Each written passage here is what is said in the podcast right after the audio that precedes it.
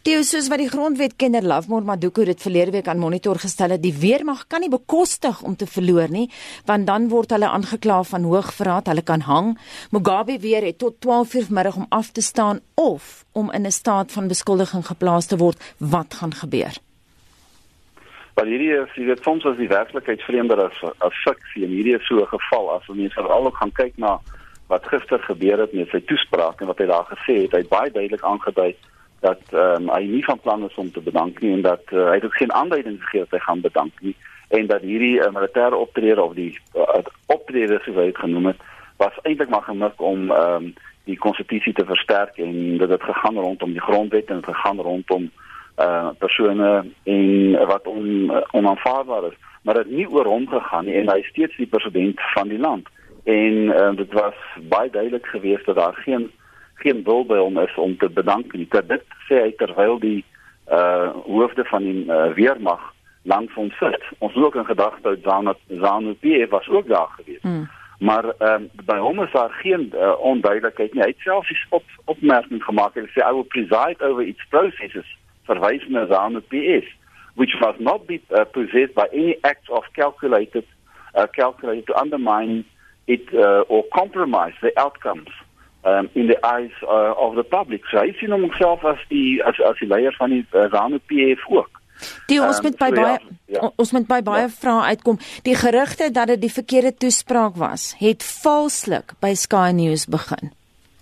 Ja, dit is korrek. Ehm um, net na die ehm um, wat die toespraak het, uh, Sky News se verslaggewer verwys na hierdie opmerking het gesê dit was die die, die uh, wrong uh, toespraak wat gelewer is wat uh, Mugabe eintlik gesê het it was a long toespraak uh, speech en ja ons long and not wrong gaan. ja dit was die verskil tussen long en wrong Hoe interpreteer jy wat hy gesê het in terme van 'n gees van eerlikheid en kommer oor die stabiliteit van die land? Hy het verwys na vergifnis, hy het verwys na konflik tussen geslagte.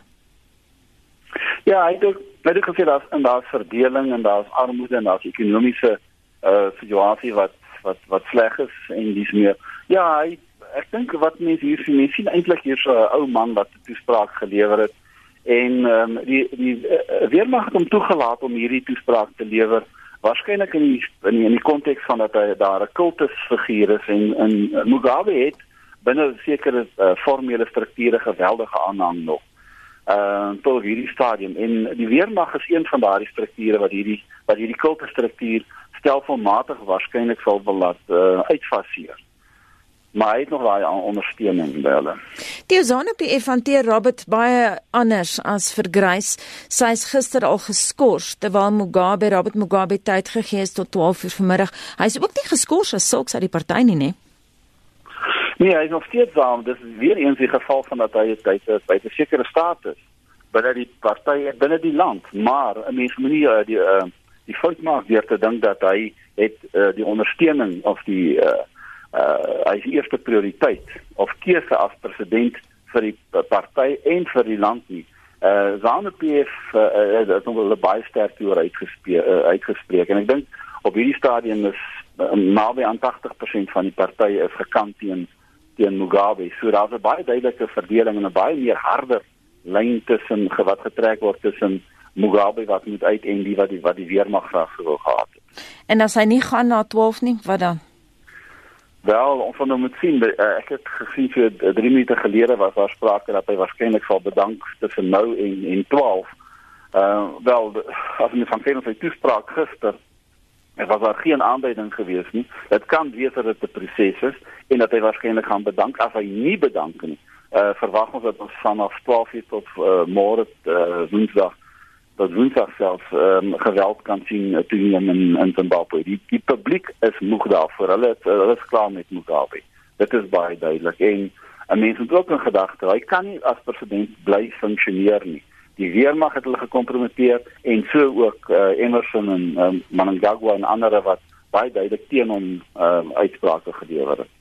Maar Theo, as mens nou kyk na die naweek se gebeure, daar is ook kritiek teen die weermag. As mens nou kyk na wat die leier van die African Democrats, Marco Machona gesê het, hy het gevra, "Hoe kan ons die Zimbabwese weermag vertrou?" Dis beslot van sake die einste weermag wat Robert Mugabe vir 37 jaar aan bewind gehou het.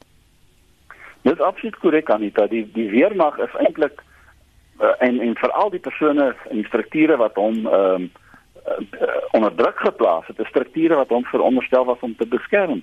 So ook Emerson Mnangagwa se uh, intelligensiestrukture wat hy gevestig het en die rol wat hy gespeel het in die bou van die van die weermag oor jare is nou strukture wat teen hom op wat nou teen Mugabe optree. Ehm um, so mense het hier 'n eintlike dualisme binne jou jou militêre strukture.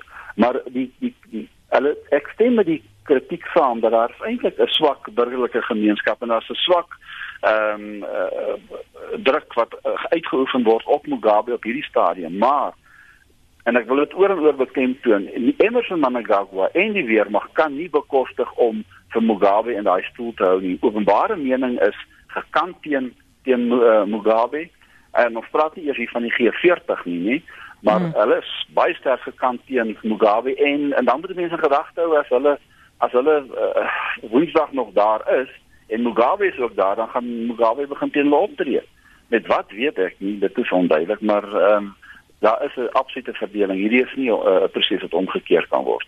In die 20 jaar wat mense nou al Zimbabwe dophou, is dit baie selde dat die burgerlike gemeenskap nog ooit so saamgestaan het. Kerkleiers, politieke partye, ons het die burgerlike gemeenskap baie aktief hierdie naweek gesien onder die banner Zimbabwe en Zimbabwe Diaspora Vote Coalition. Hulle het ook gewys op die belangrike rol van Jacob Zuma as voorsitter van SADC om hierdie geskil te besleg. Wat gaan hy doen?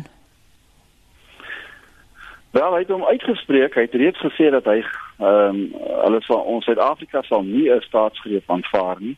Ehm um, 'n staatsgreep is nie die manier hoe 'n nuwe leier aan bewind kom nie.